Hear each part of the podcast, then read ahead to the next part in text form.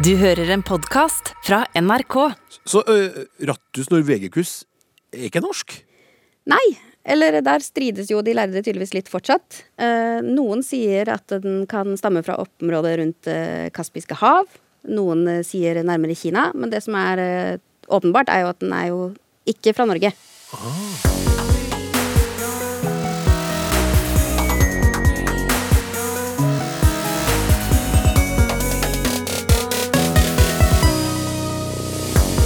Hva tror du? Er det en blomst, en fugl eller en sopp som har fått navnet ubeskjeden penis? Språksnakk med Klaus Sonstad. Hjertelig velkommen skal du være, kjære Homo sapiens av underarten Radiolyteris excellentialis. Ja. I dag skal vi nemlig boltre oss i artsnavn her i Språksnakk, hvor vi også får besøk av programleder og fersk gullrutevinner Tore Strømøy i spalten Ut med språket. Fonetikkskolen åpner dørene til vårsemesterets siste leksjon. Der vies vokalene ekstra oppmerksomhet. Og så får vi rett og slett se hva vi ellers rekker når den forelesninga er over. Du tror kanskje den her eh, ekle snegla som ødelegger hagen din, heter iberiasnegle? Men det gjør den ikke, vet du. Forskere har nemlig funnet ut at denne sneglearten ikke er den samme som den som finnes på Iberiahalvøya, så nå bør du heller kalle den brunskogsnegle eller mordersnegle. Det er greit, det òg. Men det er jo ikke bare denne brune hagedreperen som endrer navn. Maskeblomstfamilien, for eksempel, har blitt en del av kjempefamilien.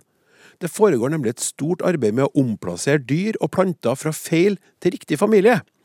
Og en av dem som styrer med det her, er deg, Tiril Myhre Pedersen. Du er taksonom, tilknytta det som eh, heter ny artsnavnebase hos Artsdatabanken.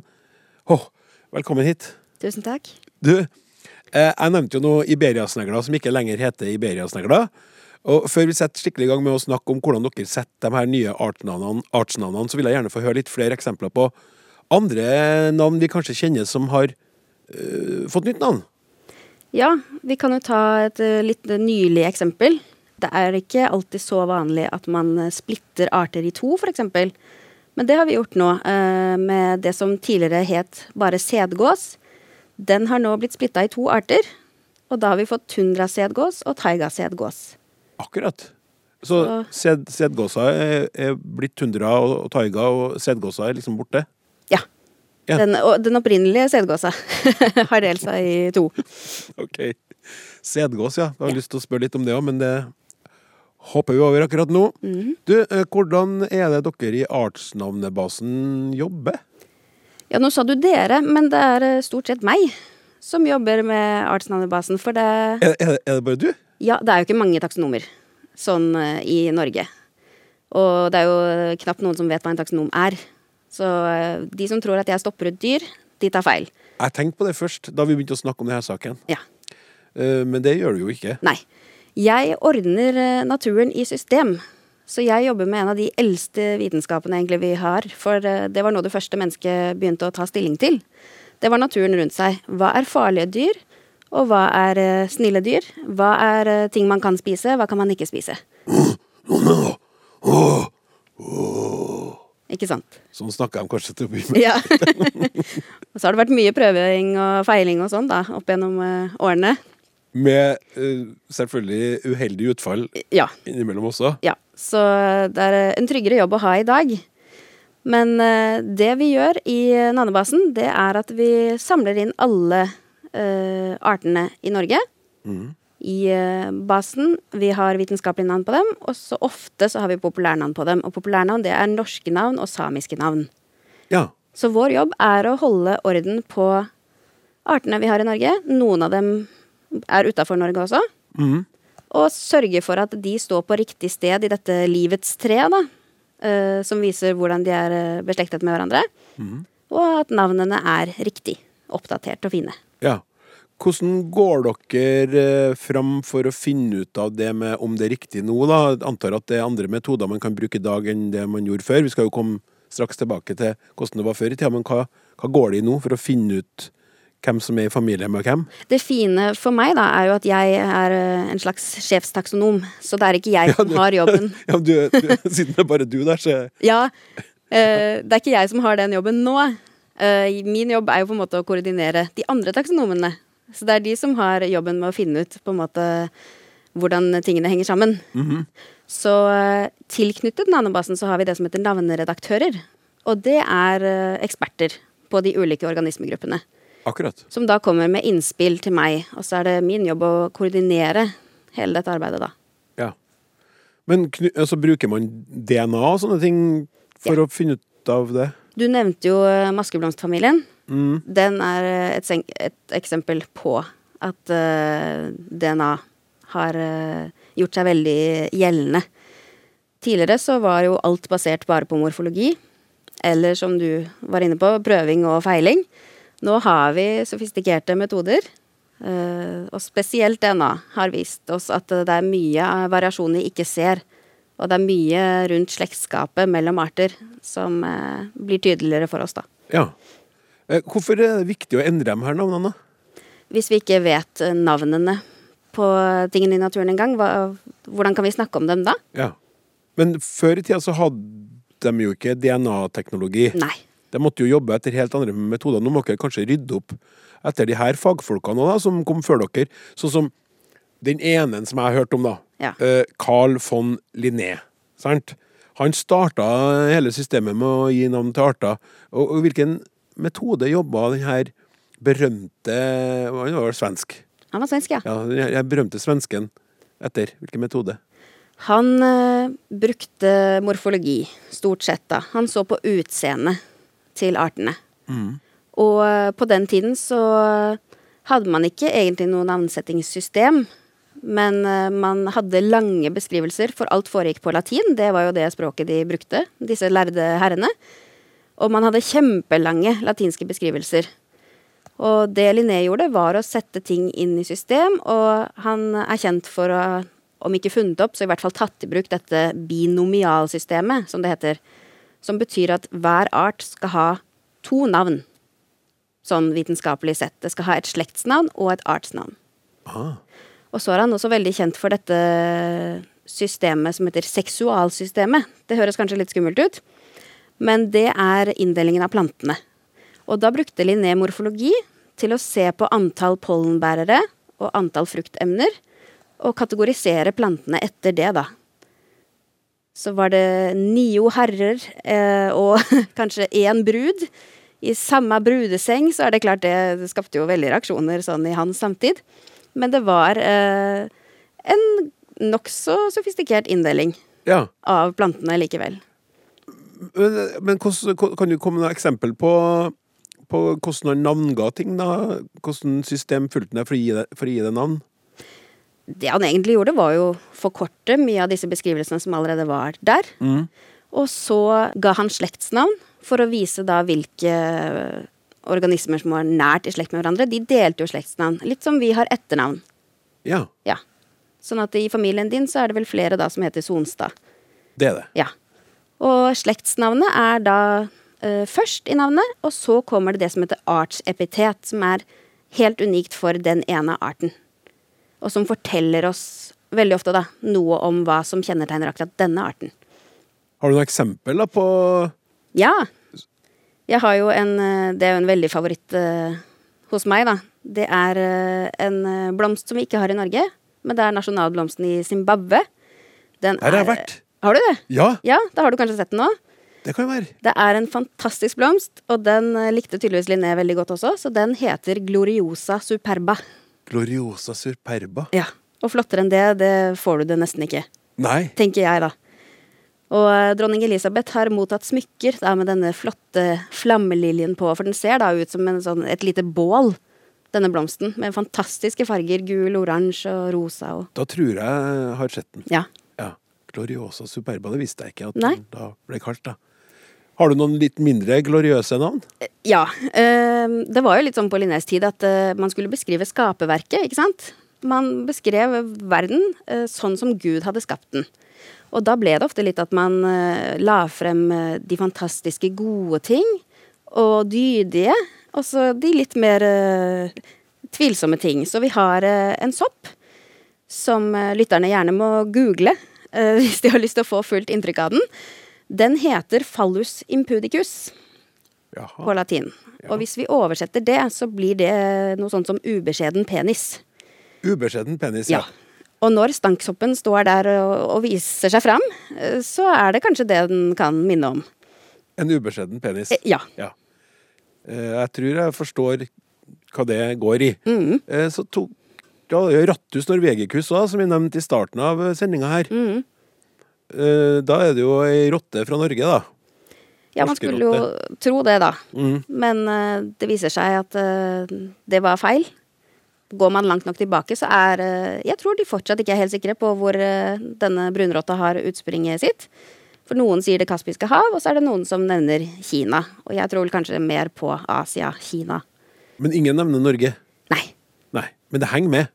Ja, og på den tiden så var det jo ikke så veldig lenge etter svartedauden, og ganske mye invasjon av disse brunrottene, så det kan ha vært eh, der, da, at Ja. brunrotten eh, fikk eh, tilhold i Norge. Så artig for oss. De her navnene som Linné satte, de er jo ikke bare å få forandra på. Nei, overhodet ikke. Det er veldig strenge regler for sånt. De vitenskapelige navnene, eller latinske navnene, det bruker jeg litt om hverandre. De følger veldig strenge regler. Noe som heter koder. Nomenklatoriske koder.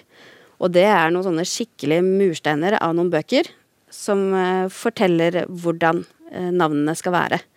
Så det er ikke bare å slette noe fra historien når det først har eh, kommet gjennom denne koden. Ja. Et annet navn som har dukka opp nå i arbeidet med saken her, er jo, som jeg ikke kjente fra før, så ærlig må jeg være, Nicolai Mohr. Ja. Eh, han har jeg aldri hørt om før. Det har jo du, du kan jo fortelle hva han gjorde, da. Ja, det kan jeg gjøre. Da har jeg et lite utdrag fra boka til Nicolai Mohr, som han eh, her, ja. utga i 1786. 1786. Det var rett etter Linnés død. Nicolai Mohr, han var færøying, og han var eh, Planteriget. Ja, Indhold. han var ansatt for eh, ja, staten, vel, i Danmark. Selv om han var eh, fra Færøyene. Han fikk beskjed om å dra til Island og i grunnen kartlegge alt som måtte være av interesse av naturressurser for danskene på Island.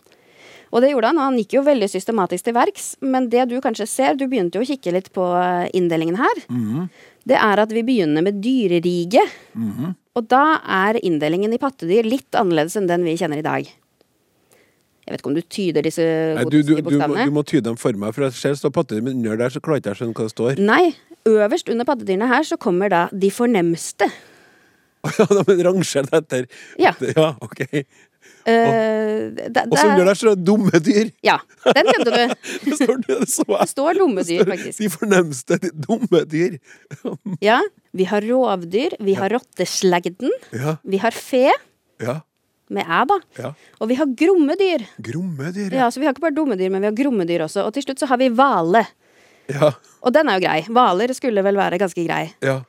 Det vi ser her, da, det er at mor har fulgt Linné, for Linné var faktisk den første til å plassere mennesket inne blant pattedyrene. Og bare det var også veldig overraskende, for mennesket hadde stort sett stilt seg over alt annet på jorda, men nærmere Gud. Så det var denne skala nature, da, på en måte. Så bare det at Linné plasserte oss blant pattedyrene, det var veldig overraskende. Kontroversielt. Ja. Men det er altså vi som er de fornemste. Ja. Det er folk Ja. som er under de fornemste. Men så er det dumme dyr, da. Man kan jo lure på hvem som har vært uheldig å havne der. Ja, det, det lurer jeg på. Det er hvalross. Hvalross, ja. Og jeg har litt vondt av hvalrossen, for det står ingenting om hvorfor den er dum. Den er bare dum. Det går etter, etter innfallsmetoden. Ja. Hvor kanskje? Men så kommer rovdyr, og der er sel med. Det er jo flere som ikke tenker på sel som rovdyr, men det er jo faktisk det. De spiser jo eh, andre dyr. Og vi har katt, og vi har rev. Og vi må huske her at nå beskriver jo han bare dyrelivet på Island. Ja. Ja. Så det er en del som mangler her. Men eh, fe er jo også greit, for de hadde jo fe på den tiden på Island. Så der har vi ku og sau. Ja. Sånne ting som er eh, greit å ha med. Ja. Så kan man begynne igjen, da. Hva, hva er grommedyr? ja. Hva er grommedyr? Hva er det som er uh, flott og fint? Jo, det er hest. Og det er svin. Å ja. Ja. Og da skriver jo han opp og ned, da, godeste mor, om islandshesten. ja. Og det er jo ikke så rart at han blir imponert over den. Men igjen så har jo ikke hesten Urhesten har kanskje ikke sitt utspring på Island. Nei. Men han gikk ikke så langt, da. Nei, så han vandrer litt av gårde på sine egne meningers vei, da. Ja, Der han kategoriserer grisen som grom og, og hvalrossen som dum og ja. Ja. Og samtidig så ser vi at han bygger på det andre har gjort før han. Og han er også veldig på å begrunne underveis, bortsett fra hvalrossen, da, hva han har gjort. Så kommer vi til hvaler, og da tenkte jeg ja, men det var da greit. Ja. Der, der var det noe jeg kjente igjen. Men så skal det jo nevnes da at på slutten av det avsnittet om hvaler, så står det jo ikke bare om eh, hvem de er, hvordan de ser ut. Det står også hvordan man kan unngå kollisjon med hval. For det var jo ganske krise på den tiden. Du hadde små trebåter. ja. En eh, krasj med en hval, det kunne jo bli veldig katastrofalt. Hvordan kunne du unngå det? Nei, han var overrasket over islendingene, han eh, godeste mor. For på Færøyene så var man eh, veldig stille. Man tenkte at man skulle ikke lage noe særlig lyd. Så det ble helt tystnad i båten, og de hadde med seg enebærolje. Eller eh, sekret fra bever, som de da bare ploppet ned i vannet, og så sank hvalen ned og forstyrret dem ikke. Så han ble veldig forferdet av islendingene, fordi eh, deres taktikk det var å dunke og banke, skråle og skrike med årer og stemme og alt, og hive kumøkk over bord. Akkurat. Ja. Så det er vidt forskjellige tilnærminger. Og på slutten der så har han med et lite avsnitt om havfruer og havmenn. Plutselig. Ja. Ja. Og han har kanskje han tatt seg en dram på Island, da? ja, men det er jo det som er fint. Uh, han har uh, diskutert det, om, eh, om dette var reelt eller ikke. Han har ikke sett dem selv, og dermed så skriver han det at han beskriver dem kort, men går ikke noe nærmere detalj, for han har faktisk ikke sett dem med egne øyne. Ok. Veldig fornuftig type. Ja. Ja. Eh, Så vi må tilbake på sporet. Eh, De som slo på radioen akkurat nå, tenker jeg hva i alle dager er som, hvilket program er som er i Språksnakk i dag? Ja. Havfruer og, og kumøkk i vannet for å jage hval. Mm. Vi snakker jo om det med å sette eh, navn på skapninger på vår jord. Og hvis vi skal kalle det feil, da, det høres jo litt sånn hardt ut, for i sin tid så gjorde de jo sitt beste og gjorde jo et fantastisk arbeid. Men hva var det Linné og mor gjorde som i dag ikke fungerer, når de satte sine artsnavn? Det som har vært en debatt de senere årene, og særlig da med tanke på Linné, er jo det at han delte inn menneskene i ulike grupper. Og eh, ga dem karakteristikker som kanskje ikke var uh, veldig heldige. I dag ville det åpenbart vært rasistisk. Og samtidig så har det jo vært mye diskusjon da om Linné var en rasist selv. Noen uh, avfeier det helt, og de sikter blant annet til at han oppkalte jo en planteslekt etter en frigitt slave. Det var også helt utenkelig, egentlig. Og man kan jo diskutere da hvor Når vi ser hva annet de holdt på med, og at de beskriver fantasidyr og sånt, eh, disse i hans samtid, at de har på en måte én fot litt i det ukjente, uoppdagede, og så har de én fot i veldig opplysningstid mm. og sånt. Så det jeg tenker, er jo at det kan jo bli feil uansett å ta disse folkene ut av sin tid. Jeg er litt usikker på om jeg vil at noen om 300 år skal ta for seg det jeg har sagt og skrevet, eh, og sammenlignet det med deres verdisyn og deres normer da. For men, jeg, jeg skjønner hva du mener, og det syns jeg er et godt poeng. Men hvis vi, hvis vi ser på det, da, og, og går til sånne greiere eksempler For vi har jo også, det har jo vært knytta til Diplomis, blant annet med sin, eh, sin eh, logo eller sin figur og sånne ting. ikke sant? Så har du jo en, eh, en fugl som heter eskimofuglen. ja. Som heter det fortsatt. Ja. Og så er spørsmålet skal han hete det? Eskimomåke. Ja. Eskimomåke. Ja. Uh, det er jo sånn evig spørsmål, og da er det liksom uh, For min del Hvor skal jeg legge meg i den debatten? For jeg er en biolog og en fagperson sånn sett. Men det er veldig vanskelig å avgjøre når grensa går for hva som ikke lenger er akseptabelt. Det viktigste for vår del er jo at den diskusjonen får lov til å gå, og at vi lytter til den. ja. For vi har jo uh, Fuglefolket, denne navnekomiteen, de har jo eh, gjort et arbeid med å fjerne noen av de eh, navnene som vi ikke anser som akseptable i dag. Eh, og det er da populærnavn, altså navn på norsk. ja. Mm. Men så har vi noen som gjenstår. Vi har for eksempel en hottentott-humleflue En hottentott-humleflue. Ja. ja. i dagens navnebase. Og da er det også sånn at man har kanskje Den er vel ganske grei. Vi er enige om at den eh, er litt utdatert. Den kunne det godt vært gjort noe med. Men så er det det at den heter Villa Hottentotta på latin. For det var det navnet som Linné ga den. Ja, Ja. Og du får ikke slettet det vitenskapelige navnet. akkurat. Så historien vil jo alltid være der, og målet vårt er jo på en måte å ikke slette historien heller. Ja. Vi skal vite at øh, sånn har det vært. Men du kunne ha gitt den et annet navn på sånn folkemunnenavn, det som vi bruker, Ja. og så hadde den, ha, beholdt den sitt latinske navn. Ja. Ja. Og, og du nevnte jo det her eh, fuglenavnekomiteen. Mhm. Eh, eller det heter kanskje ikke Norsk fuglenavnekomité, men norsk, jo, Norsk navnekomité for fugl. Ja. Ja. De har jo gitt navn til ikke mindre enn 10 000 fuglearter. Mm. Og her er det veldig Her er mye artig, da. Jeg håper ikke at dette her støter noen, men det er veldig morsomme navn. Grynterikse. Det syns jeg er et artig navn. Mm. Ja, i seg sjøl. Du, du ler ikke sånn av det, for du er så vant til sånn plomme, plommepløsøye. Ja. Plommepløsøye er veldig godt å si. Plommepløsøye. Men her kommer det et oahuamakihi. ja. Er det, et, er det ekte, eller satt inn for å lure meg? Nei. Det den, finnes, ja. eh, Ja, den eh, skal være ekte, den. Nymfebladdanser, der er jeg litt mer med, men så kommer Ankara Fantsi Kawanga. Er det jo Ja, det, det er fortsatt en fugl. Ja. Ja. Det er ingen som tuller med det her. Og Duskadora Duskadora Duskdoradito? Duskdoradito? Ja. Duskdoradito? Hvis du legger trykket litt annerledes Duskdoradito? Duskdoradito. Duskdoradito? Ja. Ja. Alt det her er fugler. Må ha det artig når man sitter og finner opp navn. Ja. Ja. Det ser vi jo kjempegodt. At uh, selv om det er strenge regler for vitenskapelige navn, så er det måter å komme seg unna de reglene på. Og på populærnavn så eh, føles det jo som veldig mye er lov, da. Det som er, er at vi har jo noen uh, prinsipper i uh, Artsdatabanken for populærnavn. De følger jo ikke de strenge reglene, men eh, vi har noen prinsipper om at eh, navnene ikke skal være nedsettende. Mm. De skal være unike for arten. De skal være enkle å uttale. Okay. Noen eh, navn kan ta litt lengre tid å øve inn enn andre, men eh, vi har også et prinsipp om at vi skal ha vakre og interessevekkende navn. Som skal, det skal man tilstrebe, da, fremfor navn som gir negative assosiasjoner. Ja. Men så ser vi at det er ikke alltid tilstrebet.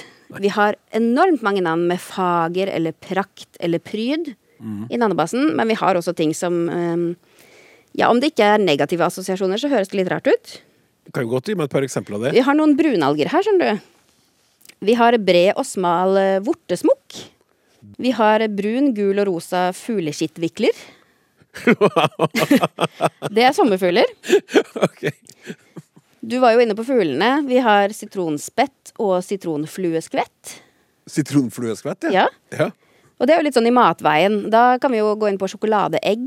Den høres jo veldig flott ut. Det er jo et vakkert navn sånn sett. Ja. Vi har foranderlig pepperriske. Det er en sopp. Ja. Så går vi litt mer på anatomi. Vi kan gå på øh, mus. Vi har musehalemose. Og muserumpe. ja. Når vi er inne på det, så har vi småskogmus og storskogmus. De har skapt veldig mye, eh, om ikke aggresjon, så i hvert fall debatt. For det handler om at eh, Språkrådet har kommet med en anbefaling om at navnene skal stå i ett ord, helst. Og da kan det jo bli litt eh, Små skogmus og stor skogmus, ja. Ja. ja. Hva er det da som er stort og smått, egentlig? Er det skogen, eller er det musa? Men det er altså Små, ja. Små skogmus og stor skogmus. Nettopp. Da er det jo liksom eh, eh, Og samme med en sommerfugl jeg fant nå på Kristi himmelfart. Det var eh, grønnstjertvinge. Og da tenkte jeg oi, er den grønn på stjerten? Det stemmer jo ikke, den er jo grønn over hele seg. Men da visste jeg at nei, men dette var en av stjertvingene, og det var den som var grønn. Grønnstjertvinge. Ja. Ok. Vi har også en Jeg vet ikke om jeg nevnte den. Absintsuger.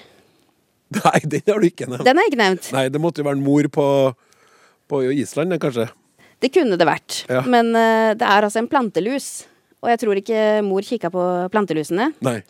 Men den uh, sitter altså veldig ofte på malurt, og det er malurt man lager absint av. Så derfor har den fått absintsugernavnet sitt. Men så tilbake til brunalgene, så har vi slimtrevl. Knuldre. Det høres jo ut som noe man ikke skal si på radio. Knuldre, ja. vi har taretufs. Vi har papirflekk. Og så har vi påskebille. Den er gul og fin og dukker opp ved påsketider. Vi har romjulslav. Den ble beskrevet i romjula, så den har eh, samme navn på latin. Den heter romjularia lurida. Det er altså en nordmann som har beskrevet den. Vi har dansefluer, vi har hoppeedderkopper, så nå er det veldig liv. Og sånn siden vi er i språkhjørnet, da, med språksnakk, så har vi også kommasmyger og hvit C. Det er også sommerfugler. Kommasmyger. Ja. Har du aldri hørt om kommasmygeren?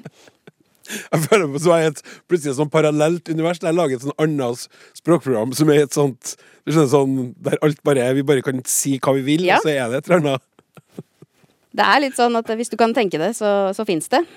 Men den heter altså Hesperia coma, Ja. på latin også. Og det har med disse markeringene de har på vingene. ja. Om de har eh, en liten C på vingen sin, eller om de har et komma. Skjønner. Du Tiril, vi, vi, må, vi må rett og slett øh, begynne å runde av, for det her er, jeg merker jo at, øh, at vi har kunnet rett og slett kose oss med det her i mm, veldig mye lengre tid enn det vi har. Eh, så før vi runder av, så har jeg eh, to kjappe spørsmål. Det ene er Har du et artsnavn du liker spesielt godt? Jeg skjønner jo at det må være helt forferdelig for deg å bli spurt om spørsmålet, men bare, hva er det første som kom i hodet ditt nå? Nei, eh, nå har jeg jo allerede sagt Gloriosa superba. Så kanskje vi da skal gå litt over på den mørke siden og si satansopp. Det, det er greit. Ja. Vi, vi kan la det være med det. Satansopp. Og så lurte jeg på, helt til slutt Fins det noe art som heter noe, noe med klaus? Altså En forsker med sand mellom tærne og fingrene og ørene og sand over seg generelt med å ha hatt en kollega eller vært knytta til noen som heter klaus? Liksom. Ja, det er jo litt naturlig da, at man eh, ønsker å identifisere seg litt med uh, artene. Ja. Så jeg kikka da om det var noe som eh, hadde artsnavn med Klaus. Jeg fant ikke noe på K, men jeg fant noe på C. ja, det, det, det holder massevis. Ja, hvis du synes det er greit, uh, så kan jeg si at du har vært veldig heldig. Du har fått en hel familie. Oh. Det er uh, køllesneglene. Køllesneglene. Ja. Familien eh, køllesnegler. Klausilide. Ja, Ja. OK. Så jeg vet ikke om du identifiserer deg Jeg syns det var kjempefint. Det er Ja. så lite brukt det navnet her i Norge. Det er i hvert fall at jeg er kjempehappy Men jeg tar det. Jeg, jeg, altså, jeg var, jeg var klar for alt. Og det ble en sneglefamilie. Vi starta med snegle, vi slutter med snegle. Tiril Myhre Pedersen, taksonom hos Artsdatabanken. Dette har vært en fest av en, eh, et møte. Tusen takk for at du tok deg tid til å komme hit. Tusen takk for meg. Ja, altså, Da har jeg fått inn en e-post som jeg syns er ganske artig. Og den handler om uh, noe som jeg sa for uh, litt siden at vi ikke skulle snakke noe mer om. Men nå har jeg ombestemt meg. Uh, hør bare her. Hei! For noen uker siden sendte en lytter inn flere spørsmål. Ett vedrørte pjolter og pjalter. Jeg tilhører antagelig den siste generasjonen som vet hva en pjolter er. Jeg husker veldig godt søndagsmiddager og julaftener hos mine besteforeldre på 1950- og 60-tallet, da de voksne tok seg en pjolter før maten. Min bestefar blandet i pjolterglass med små, matte blader på. Glassene sto på et ovalt fat dekorert med en lettkledd dame og en flettekant rundt. Jeg ser det tydelig for meg. Han helte først i brennevinet, deretter seltersen. Det begynte straks å bruse, og jeg pleide å bøye meg over brett og glass før de voksne forsynte seg, for både å kjenne den spennende lukten og den forfriskende brusingen som et øyeblikk, øyeblikk prikket i mitt lille barnefjes. Barn trenger også å komme i stemning. Mer spesielt er kanskje min bestemors minner om at jenter, skråstrek damer i hennes ungdom på 1920-tallet, ikke fikk drikke pjolter ved festlige anledninger, selskaper, hytteturer og andre, andre ting. Kjærestene brygget seg sine pjoltere, mens damene kun fikk pjoltertoppen. Det vil si skummet som dannet seg øverst i glasset noen sekunder før brusingen roet seg. De måtte være raske. Deretter måtte de se på at mannfolkene koste seg med sine pjoltere. Kvinnefrigjøring og likestillingskampen har virkelig vært nødvendig på mange områder. Min far fortalte ellers hyppig en munter pjolterhistorie om en av bygdas storbønder. På fest i bøndenes hus hadde han medbrakt ekte konjakk og selters. Han blandet seg en solid pjolter, rikelig med brennevin og en dæsj med selters. Det han ikke visste, var at noen luringer hadde helt ut seltersen og fylt seltersflasken hans med hjemmebrent. Han smakte, og syntes nok pjolteren var vel sterk, så han fylte på mer selters. Og smakte igjen. Etter tredje etterfylling og smaking ga han opp. Det fikk da være måte på å tynne ut innholdet. Han ble observert drikkende mens kraftige grøss gikk gjennom den digre skrotten, og han formelig hev etter pusten. Og Nå kommer oppveksten min i Klæbu utenfor Trondheim eh, til live her. Kvelden ble visstnok kort for den pjolteglade bonden. Jeg har for øvrig arvet mine besteforeldres pjolterglass, som nå brukes som vannglass og farrisglass ved større middager. Med vennlig hilsen Anne Østgaard. Tusen takk skal du ha, Anne. Denne e-posten smakte av. Nå skal vi over til ukas gjest i Ut med språket. Han er en prisbelønt programleder som står bak et av norsk TVs mest populære programmer noensinne. Arbeidet med hver sesong har vært både tidvis ensomt og svært tidkrevende. Kanskje kan han takke den tidkrevende og ensomme idretten han drev med, for at han har greid å holde det gående. Språksnakk. Tore Strømøy, velkommen. Tusen takk. Må begynne med å gratulere deg med ganske fersk gullrute. Ja, takk for det. For det dokumentarprogrammet Gåten Agnes. Mm. Det var hyggelig. Det var veldig hyggelig. Det, det er alltid hyggelig å, å få anerkjennelse for noe du har holdt på med, men når det gjaldt akkurat denne eh, greia, så, så følte ikke jeg at liksom, det var en, en pris som var viktig for, for meg, men kanskje mer viktig for saken vi jobba med, Ja. rett og slett. vi skal komme tilbake litt til det. Ja. Men først eh, så tenkte jeg vi kunne starte litt med starten, eller ikke helt starten, da. Men du, du vokste opp på Frøya, ja. ute i havgapet i Trøndelag. Et vakkert sted. Veldig vakkert sted, og spør du meg og andre som kommer derfra, så vil de kanskje si at det er det vakreste. Ja. Det er faktisk veldig mange som sier det utpå der, for jeg har vært der en del sjøl. Ja, det er bra. Ja. Eh, og så har jo det her som jeg skal si nå, eh, snakke med deg om nå, bare kort, eh, ikke så mye med språk å gjøre, men jeg tenker at det kanskje handler litt om det du etter hvert valgte å gjøre i TV-sammenheng og sånn, for at det, du har jo laga mye program som, som det er sånn nitid arbeid bak, og, og jeg antar at en ung mann som bestemmer seg for å begynne med kappgang, har en sånn eh, evne til å se langt fram, for at det er en veldig spesiell form for sport. Det er det. Ja, øh, Først kan du beskrive kort hva det går i. Hva er eh, sånn reglene for det der merkelige greiene som vi bare ser på OL? Ja, det, det er jo to uh, hovedregler. Da. Det ene er at én fot må være i bakken hele tida. Ja. Og den foten som uh, når, Den du står på, da, skal jeg si, er i bakken, så skal den være strekt. Du skal knestrekke når den er rett under kroppen. Ja. Det er knestrekk og bakkekontakt. Det er to tingene som, som, som er viktige. Da. Og, og som du sier, når du, når du da starter å gå 50 km kappgang, Ja. så er du spesiell. Ja, Det kan vi si allerede i starten. ja det er bra. Fordi at um, Ute på Frøya drev du med det. Ja, vi begynte ute på Frøya. Eh, Det kom en gjeng fra Trondheim gangklubb og skulle prøve å spre denne idretten sin. Og det de lyktes med som ingen andre lyktes med, det var å få med voksne folk, ledere. Så dermed ble idretten organisert. Eh, Vi hadde stevner, vi hadde reiser, vi hadde konkurranser, vi hadde treningsleirer, ordentlige premier. Så det var den eneste idretten som var skikkelig organisert. Og da ble alle ungene med der, selvfølgelig. I stedet for å være med på de andre idrettene der det kanskje var et stevne nå og da, eller var ingen trening eller ingen organisert opplegg. Men her var alle med. Tenk deg busstur med, med unger fra 8 til 14 år som reiste til Sverige og var ei uke og gikk kappgangsstevner. Altså, det Du var- hadde det artig. Det er vanskelig for meg å tenke meg det. At det er så, at det, at det er så mange at de kan fylle en buss med en ganske marginal sport. Ja. Og med unger med full av virkekraft, som må hele tida ha én fot i bakken som skal være knærett. Ja, det var jo, hvis, hvis du ser sånn idrettslig på det, så burde jeg ha sprunget.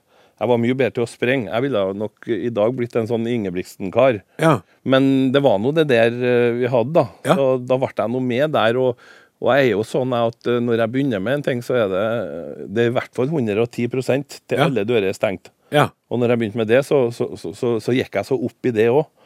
At det var, da gikk jeg Frøya rundt. og og jeg bruker jo å si det at, eh, at, at, um, at jeg har jo drevet underholdning lenge før. Jeg kom jo underholdningsbransjen i TV-en, fordi at folk flira jo av oss.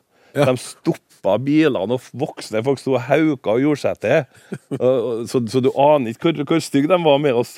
Var de det? Ja, ja, jeg tok ikke noe hensyn. Det var rå latter og fliring og fløyting og finger og alt mulig. Det Er sant? Så dere gikk vi rundt med, og du blir herda av sånt. Ja, det, det er bra. Da hadde jeg et, det var et visst poeng med det likevel, da. Det var det. Eh, journalisten i deg, da, når våkna den til live? Det tror jeg Jeg, jeg vet at jeg jobba i Frøya-avisa i åttende klassen som, som eh, utplasseringsgreier. Men jeg tror ikke vi fikk noen oppgaver eller noe som helst. Vi fikk jo bare leke oss sjøl. Så jeg tror vel at uh, jeg, jeg likte jo å skrive, og jeg husker på når jeg eh, var ferdig med, med, med videre, videregående, så, så begynte jeg på Frøya fiskeindustri, på, ja, på fiskemottaket, sånn som foreldrene mine. Og jobba der da, og sto opp tidlig om morgenen og frøys og tok imot fisk i all slags vær og pakka og styra. Og fant vel ut etter en stund at det her var ikke helt meg. Nei. Jeg så ikke for meg det her resten av livet, så, så begynte jeg å tenke hva, hva, hva er det du kan, da? For jeg hadde jo ikke noe annet enn tre år gymnas, og så kom jeg på at jeg var god til å skrive. Ja. Jeg var en fantasi av en annen verden, og nysgjerrig. Så tenkte jeg jeg får begynne å skrive. Så det var sånn jeg begynte. Så begynte jeg å skrive noe sånn småreportasjer. Jeg husker på jeg reiste ut på Mausen, Mausundvær, da, det er et sånt fiskevær utom, uh, utom Frøya, og, Ja, og laga på en guttunge der som hadde kjøpt seg geiter. Han skulle bli bonde. Ja. Og, og det synes jeg jo, ikke sant? Jeg så jo, jeg hadde jo teften ikke sant? En bonde på en lita øy langt ute i havet. Det, jo, det, det henger jo ikke helt sammen. Han burde jo bli fisker. Ja. Nå ble han jo det senere, men allikevel. Så, så det var en av de første jeg laga, så, så, så da balla det nesten på seg. Det viste seg at øy, det har du talent for. Og så var du i nærheten av et programkonsept der ingen skulle tro at noen kunne bli bonde.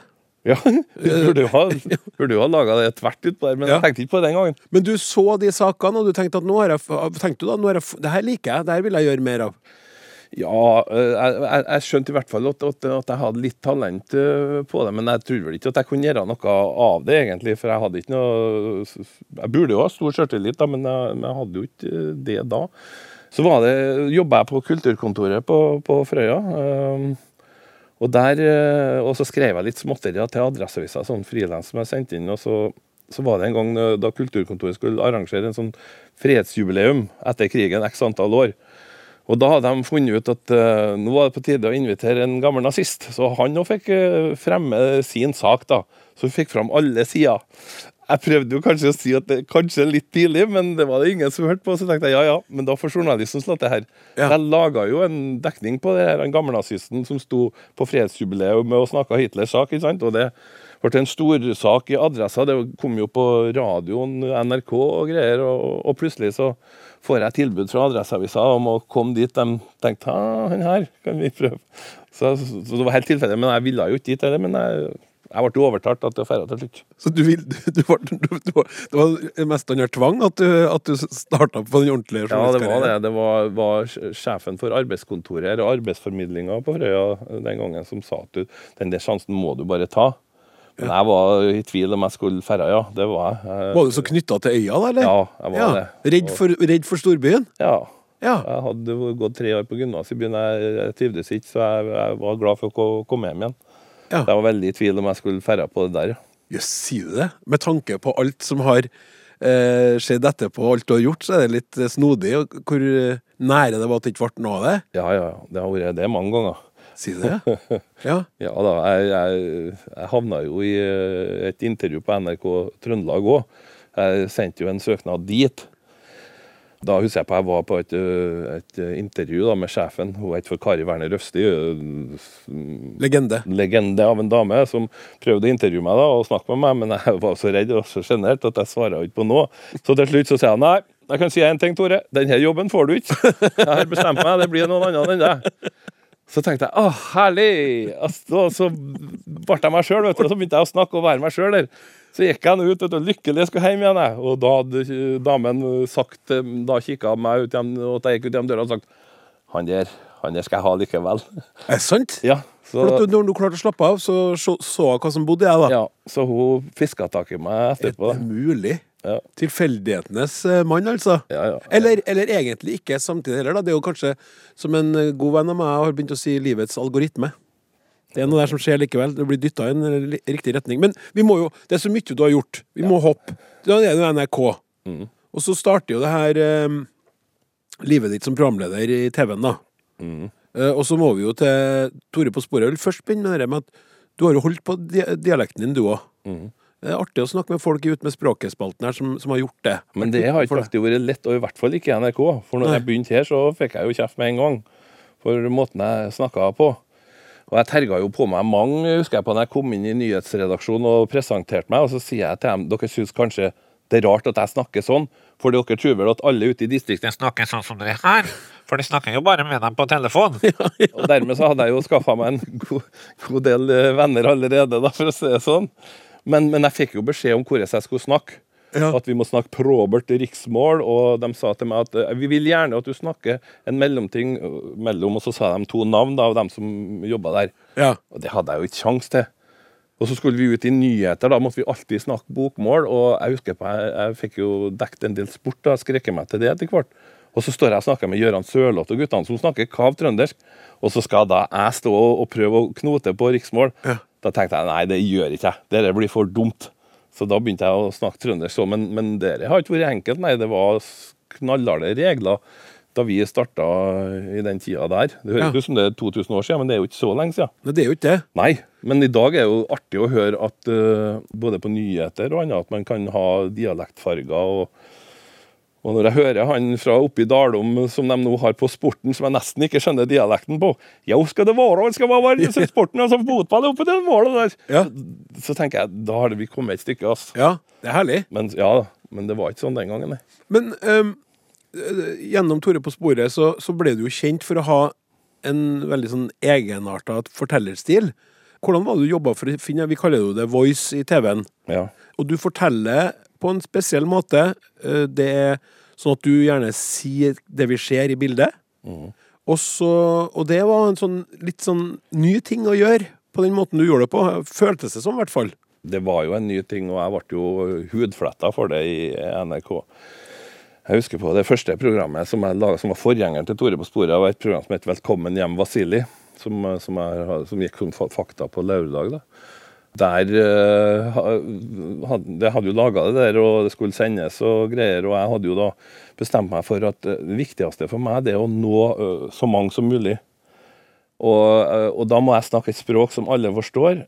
Så jeg tenker jeg forteller det her på samme måten som mora mi gjør når hun forteller og viser fram bilder fra ferieturen sin. Da sier hun 'himmelen var så blå', Tore. Og da skjønner jeg det var mer enn blå himmel hun snakker om. Det er følelser her. Så hun forklarte mye, og så gjentok hun for hun var sikker på at vi fikk med oss alt. ikke sant? Og så tenkte jeg sånn skal jeg gjøre det òg. For jeg vil ha med meg all bestemora mi skal forstå det. Og, så det er ikke noe mål om å gjøre det så fint. For, for den tida der så laga vi en del TV som ikke jeg forsto engang. Det var så avansert at jeg fatta ikke historie. Men jeg tenkte min historie skal ikke gå, gå bort i finurligheter. Jeg skal fortelle historien ordentlig. Så det gjorde jeg jo med det programmet. Og jeg husker jo på at mandagen etter at det var sendt, så, så, eh, så ble jeg ikke bare halshugd, jeg ble partert av mine egne. Som sa at det var en skam for NRK, og at det var styggedom, styggedom at jeg fikk lov til å lage noe sånt. Og jeg sto og så tok dere, du sier at himmelen er blå. Vi ser da vel for faen at himmelen er blå! Tror du vi er idioter, eller? Så prøvde jeg å si det, det, det, jeg skjønner at dere forstår, men, men det var meningen å få med alle de andre nå. Men det var ikke kjangs. Det var helt forkastelig alt jeg har gjort, og særlig denne tekstinga. Og, og at jeg gjentok for mye og la inn for mye og lot ikke publikum få tenke noen ting. Hvordan, jeg- hvordan, jeg- hvordan opplevde du det? Nei, det var helt forferdelig. Jeg, jeg hadde jo skjelt, skjelt ut, eller ødelagt NRK, og det var en som sto der, en, en som ble sjefen min senere, som sa 'Du har ikke lest boken, Tore'. Det var sånn bok om TV-reportasje. Og det var riktig, for jeg gidda ikke å lese den. Jeg syntes det var så jævla kjedelig. Men i hvert fall tirsdagen da, så hadde VG oppslag om eh, liksom, den tida der det var ukas mest sette og ukas best likte. Og der sto det at uh, 'Velkommen hjem, Vasili', som gikk på Fakta på lørdag med Tore Strømme. Det hadde faktisk reita over 800 000. Det var aldri noen program på den tida som har reita noe sånt noen gang før. Og så var det i tillegg ukas best likte. Ja. Ja, og så står det Ja, ikke bare det.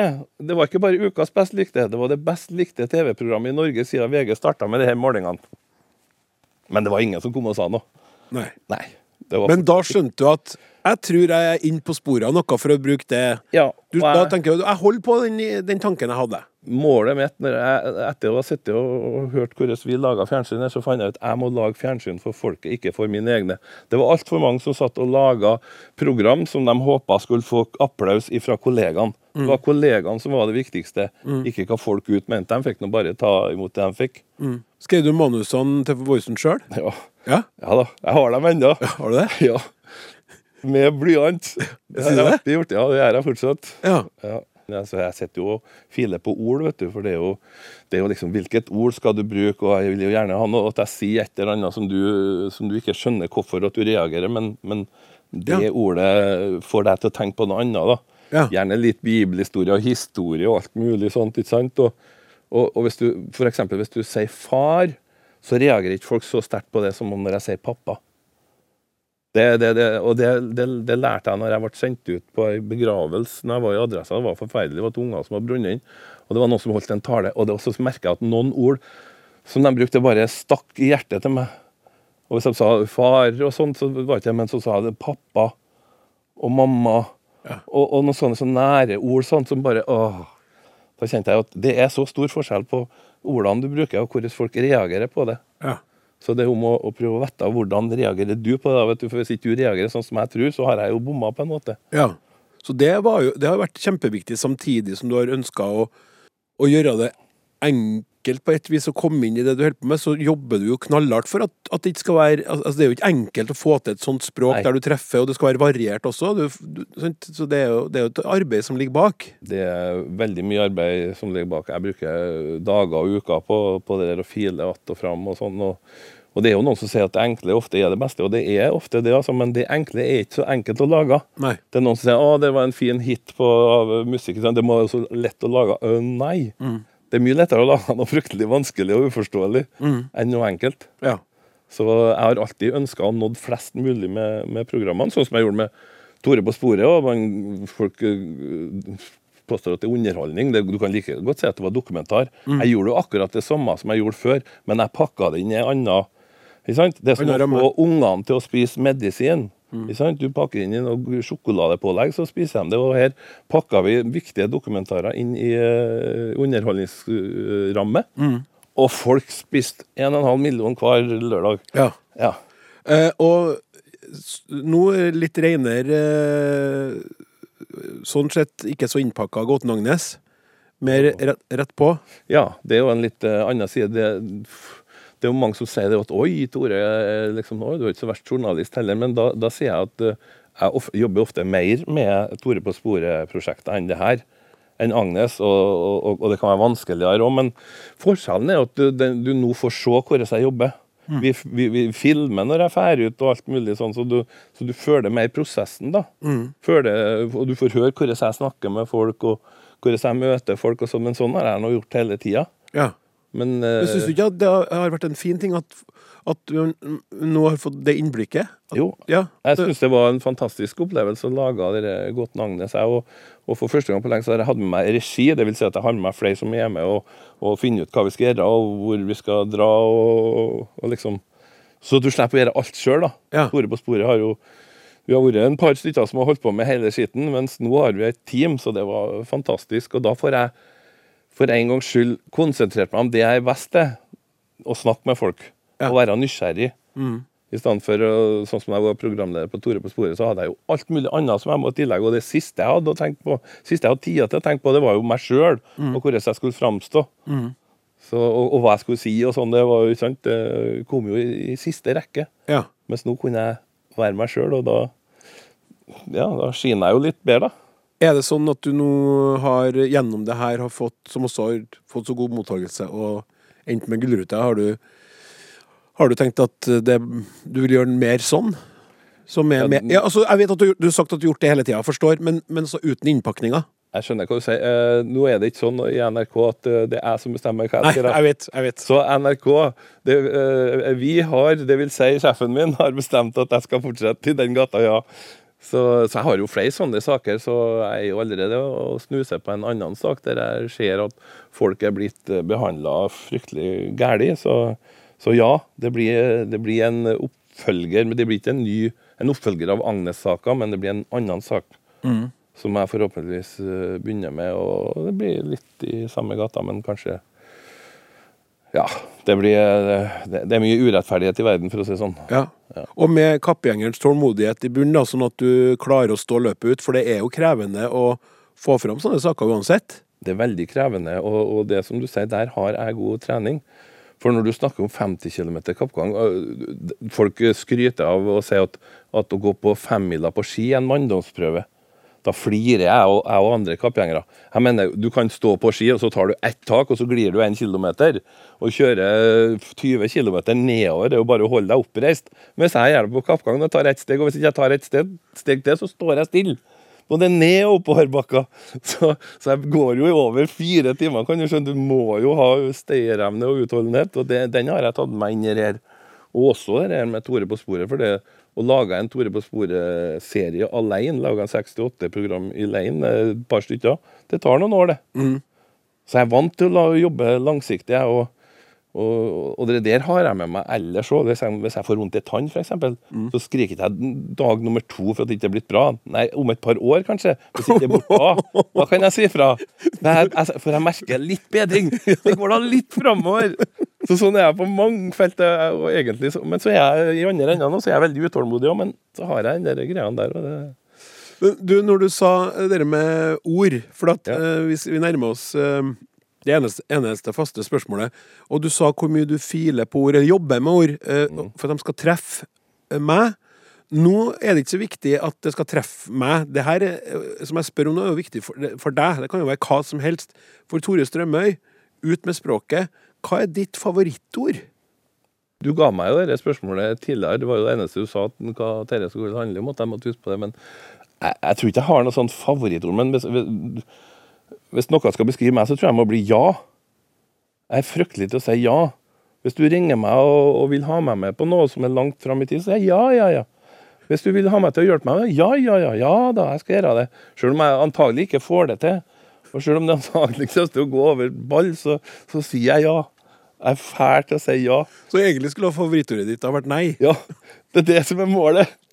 Men det er ja, dessverre.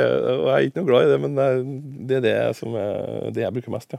Tusen hjertelig takk skal du ha. Bare hyggelig. Da, kjære alle sammen, er det klart for vårsemesterets aller siste Apa, Apa, ata, ata, atja, aka, aka. fo, fo, fonetikkskolen. Ja, velkommen tilbake til den siste forelesninga i vårsemesteret her på Fonetikkskolen. Jeg har en eh, meget eh, godt opplagt rektor, inspektør og foreleser Olaf Husby som er klar for å snakke om eh, vokalene. Ja, Eh, de er viktige, så klart. de er kjempeviktige. Ja. Man kan jo spørre først, hva er en vokal? Hva er en vokal? Ja, det jo, vi har jo definisjoner på det her. Vi kan si at for å skjelle vokaler ifra konsonanter, så sier vi da, og nå blir det litt, litt fonetikk, men vi sier at hvis luften som følger språklyden får lov å gå ut gjennom munnen uhindra langs midtlinja på tunga, da har du en vokal. A, Der har du en vokal. E. Ja, ja. I Ja, hvis du sier for eksempel p, p så har du stoppa. Da går den ikke uhindra. Hvis du sier eh, s, Ja. så går den ikke. Den går langs midtlinja, men den går ikke uhindra. Ikke sant? Og hvis du sier l, l, så høres det ut som det er ganske uhindra, men da er midtlinja stengt Ja. av tungespissen som går opp og lager den Så her er midtlinja en, et fint eh, bilde. Midtlinja, Ja, uhindra. ja, ja. Og det, det, det gjengs. Alle, alle fonetikere verden over er enige Ja. om det. Det er Ja. ikke noen som har kommet med en annen teori. Nei, vi, men vi har et lite sånn underpunkt B. Vi kan òg tillate at vokalen går ut gjennom nesen samtidig, at du får a, e, Litt som vi snakka om i, i forrige, Ja. forrige forelesning. ja, ja. Ja. Så denne definisjonen stopper ikke at du kan ha nesehula åpen, for ellers vil jo de franske vokalene ikke komme inn under eh, vokalsamlinga vår. da. Akkurat. Ja. Så, er, så da kan du si at det her er eh, vokalene, og så hvis vi er veldig grove, så kan vi si alt annet er konsonanter. Det er en, noen få lyder som er en sånn mellomkategori, og det er f.eks. j, j-lyden, og den engelske w, som i what. Fordi eh, når, vi, når det er ustemt, eller- eh, unnskyld, når det er stemt, så har vi ikke noe hindring. Men hvis du begynner å si j på kviskelyd, så får du da får du litt hindring. Ja. Så de kan si de er vokal, nærmest vokaler når de er stemt, og så er de nærmest konsonanter når de er ustemt. Så de danner ei lita gruppe som vi kaller for halvvokal. Halvvokaler. Jeg, ville, jeg trodde det skulle være hybrider, men Ja. eh, halvvokaler. Ja, nei, jeg kan by på flere navn på de der. Altså, vi kaller det òg for approksimant. Altså at det er to ting som er tilnærmet hverandre. Så, er så L-en i den terminologien heter da en lateral approksimant. Lateral approksimant. Ja. Som kommer fra approximately. Ja, altså to, to approach altså, Ja. ja. antagelig, altså to approach Altså at du kommer ganske nær. Ja, sånn approach, ja. Tenk på approximately. Ja, men det er mulig du har rett, at Ja. det er approximately. Ja. Så da har vi på en måte de to gruppene, vokalene og konsonantene. Og konsonantene skal vi gå inn på, på senere. I, Jeg lurte på en ting, Olaf. Ja. Hvor mange konsonant... Nei, vokaler finnes det i språk? varierende. Ja. Det finnes uh, I norsk har vi Nå blir det litt teoretisk, men vi har i alle fall ni. Men så har vi lang og kort vokal. Og da kan noen, noen vil da si at vi har ni ganger to, at vi har 18 vokaler. Og det plasserer oss helt på toppen i, blant verdens språk, altså blant vokalrike språk. Å ja? Ja.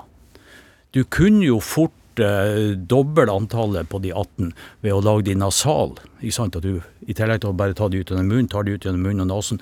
Da fikk du 18 ganger 2, 36. Det er ingen språk som har så mange. Og Grunnen til det er sannsynligvis rent sånn funksjonelt. Det blir så lett å blande de i hop. De blir, de blir, vi må ha rene kategorier. da. Og vi ser allerede når vi gransker vokaler at det er en viss overlapping imellom dem. Vi kan plotte dem på et kart, og da ser vi at det er visse overlappinger. ja. Kan du gi eksempel på kort og lang vokal? Ja, hvis du har et ord som sin, har jo lang vokal. Og hvis jeg sier sinn, så har vi kort vokal. Der var vi. Ja, så, og det her er noe som vi utnytter systematisk i norsk. Det er ikke sånn at vi alltid har en lang vokal der vi har et, et, et, en, en kort, og omvendt. Men det finnes massevis av par i, i norsk av denne typen her. Altså. Tap og vin med samme sinn. Ja. ja. Tapp og vinn. Tapp og vin. Ta, tapp litt vin med samme sinn. ja, ja. Uh, det vi vet òg, er at språk, de som har færrest vokaler, de har tre. Tre. Tre vokaler. Og da har de, og det er ikke tilfeldig, da har de en I, og så har de en A, og så har de en O. Hvorfor det? Jo, det er for at det er de tre lydene som er akustisk mest forskjellige. De, veld, altså de som er enklest å skille fra hverandre. Og samtidig, hvis vi ser på hvordan vi artikulerer de, så ser vi at de er forskjellige. Sånn. I, leppen tilbake, trang kjeve, tunga opp og fram. A, kjeven senker, tunga tilbake. O, eh, trang kjeve, tunga bak, runda lepper. Old MacDonald had a farm. Ja. E-I-E-O. Ja, ja. Så da, da får du inn det her eh, tydelige kvalitetsforskjellene på lydene. Hvis du da kommer til spansk, som har fem vokaler, så må jo de plassere de en eller annen plass i det her systemet. Og det man gjør da, Hvis jeg nå tar en, en overgang, hvis jeg sier f.eks. går fra i til æ, at det bare åpner kjeven, at det begynner sånn i Så på veien her så passerer i, e, e. Så e-en ligger mellom æ-en og i-en. Ja. Ja, ja. Så det spanske har gjort, at de har utnytta det åpne rommet da, mellom i og æ, så har de putta inn en vokal der. I og a, så har de putta inn en vokal der. Og samme bake. Så mellom o og a så har de putta inn en å. Og det vi har gjort på norsk, vi har jo da Hvis du sier for eksempel eh, y, og så trekker du tunga bakover. Y, y, o. Så får du plutselig en o. O. Iu. Bare hold leppen i ro. Det, så forskjell- Altså, si iu, hold leppen i ro. Det, det er helt utrolig. Ja. Rart. Iu. Ja, så Jeg du- gjør jo ingenting, det beveger seg ikke. Du trekker tunga bakover. Og Det er kun det som Jo. Og veldig lite, egentlig, syns jeg. ja, ja. Trekker ikke tungene mye tilbake. Nei, men du må ha så langt tilbake Men du hører du får voldsomme akustiske konsekvenser der. Du får en helt ny språklyd. På mellomveien, da, med litt justering, så ligger U-en. Den norske U-en, da. Men, men her må vi gjøre litt mer. Hvis du sier Y, Y. så har du leppen framskutt. Mm. Hvis du sier U, så snørper du leppen mer i hop, ikke sant? Ja. Så da kan du veksle mellom Y og U ved å bare bevege leppen. Ja, ja. Og vi ser, altså Bare den lille leppebevegelsen der gir veldig tydelige akustiske forskjeller. Så når man går inn og, og arbeider med, med, med akustisk fonetikk, som er da analysen av frekvensene her, så får man svaret på, på en måte, hvordan det er. Det her er det er litt vanskelig å forklare sånn på kort på radio hva som skjer, men hvis at du tenker deg at stemmen som vi var gjennom sist Jeg sa jeg hadde 100 hertz som, som grunntone. Ikke sist, men gangen før der. Ja, gangen før der var det. Ja. Uh, og hver, et hvert legeme som svinger fritt, har overtoner, som er på en måte uh, to ganger, tre ganger, fire ganger, fem ganger grunntonen. Så når jeg sier f.eks. Eh, eh, så har en 100 hertz, så har en 200, 300, 400, 500, 600, 700 osv. De, de er bare pakka i hop i en stor pakke. Ah. Når jeg nå sier i, eller i I, i så lager jeg et lite rom fram i munnen, så lager jeg et, da blir det et stort rom bak i munnen. Kjenner at det vibrerer bak her. Ja. I Og det, hvis du blåser i ei flaske med vann i, Klaus, og, så, og det begynner å resonnere Hvis det er lite vann i flaska, får du djup eller høy tone da? Uh, Høg. Lite vann. Ja, jeg, klarer ikke sånn gjette så jeg blir for prestasjonsangst. Si det. Ja. Nei, men hvis du blåser i ei flaske som ikke har vann, så får du en sånn Ja, nettopp. Ja, ja. Og hvis du fyller den nesten opp og blåser i, så, Så får får du du lys. Ja. Og du kan si, Sånn fungerer munnhula. Når jeg sier i, så har jeg stort rom bak, og så har jeg et lite rom framme.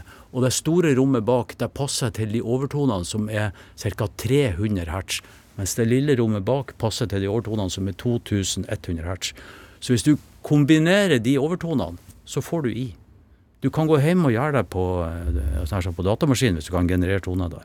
Så hver vokal har sine toner. De har et fingeravtrykk. Det betyr at hvis du lager, skriver ut sånne fingeravtrykk, så går det an å lese. Aha, det der er en A, det der er en I, det er en Y. Y, da får du enda et, et, et merke på det. Ja, men, eh, I tillegg til det øh, veldig fascinerende du Ja. sier nå, så tenker jeg jo også på det du snakka om sist, med den McGurk-effekten. Ja. Fordi når du står og viser meg nå, Ja. og lager de her uh, forskjellige lydene og ja. bokstav altså, det, det hjelper meg jo veldig, det visuelle. Jeg Ja. ser jo på det. Ja. Eh, og hvis jeg bare hadde hørt på Sånn som før. Så sånne filmer, Ja. gjerne amerikanske filmer, Ja. og så var det sånn at noen gikk og øvde seg på dem på italiensk eller fransk, og så var det sånn kassett den gangen. Da. Det var, nå snakker jeg tilbake til. When We Were Young, Ja. og da var det sånn eh, Ciao, ciao. Eh, sant, ja, alt det der. Eller uh, uh, Voulez-vous coucher avec moi? Sånn, ikke sant? Og, og så hadde du Du så jo ingen. Du måtte bare gjenta på lyden. Men nå har du jo sånne der du lærer deg å også se. Det visuelle må jo Ja. hjelpe veldig. Det hjelper veldig. Ja.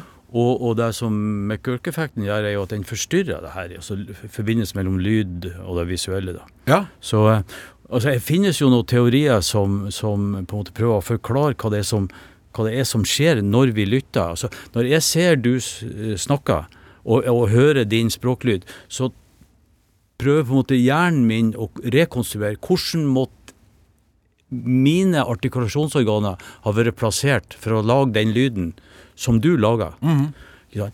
Og hvis du nå eh, putter en, en, en, en film oppå det her, altså hvis det ser feil i forhold til lyden, så blir det her systemet ødelagt. Altså. ja. Så man, eh, Det var vel oppdaga noen eh, eh, Man holdt på å teste hjerneaktivitet på, på apekatter. Og så fikk de, det var vel en som fikk en banan å spise, og så målte man ok, nå er det hjerneaktivitet der i det motoriske senteret. I studio der så satt det, hvis nå historien er, er, er forteller den korrekt, så satt det ei anna ape uten banan og så på den som spiste banan. Og hun hadde de her eh, sensorene på hodet. Og det viste seg hun fikk utslag på akkurat samme plass som den som spiste.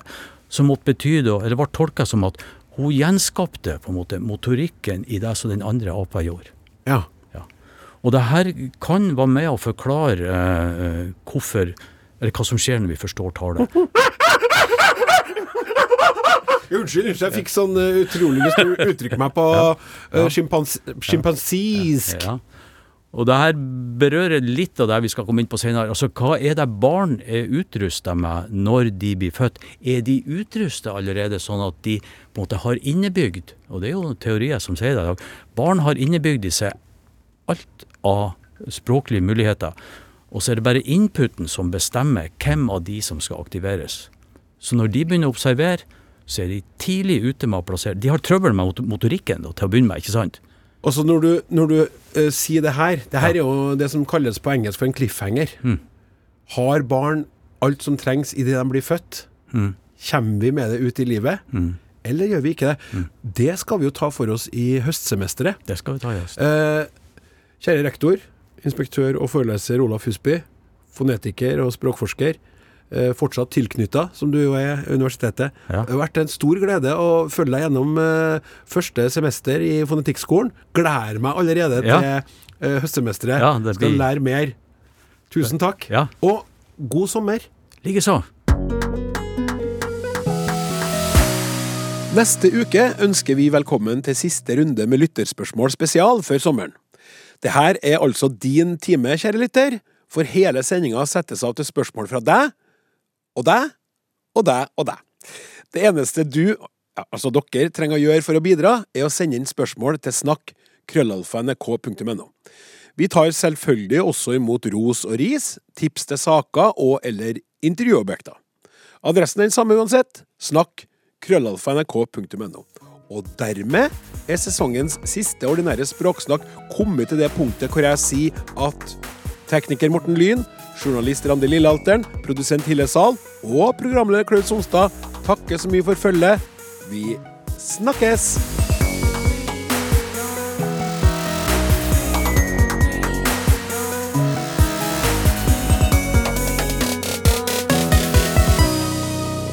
Du har hørt en podkast fra NRK.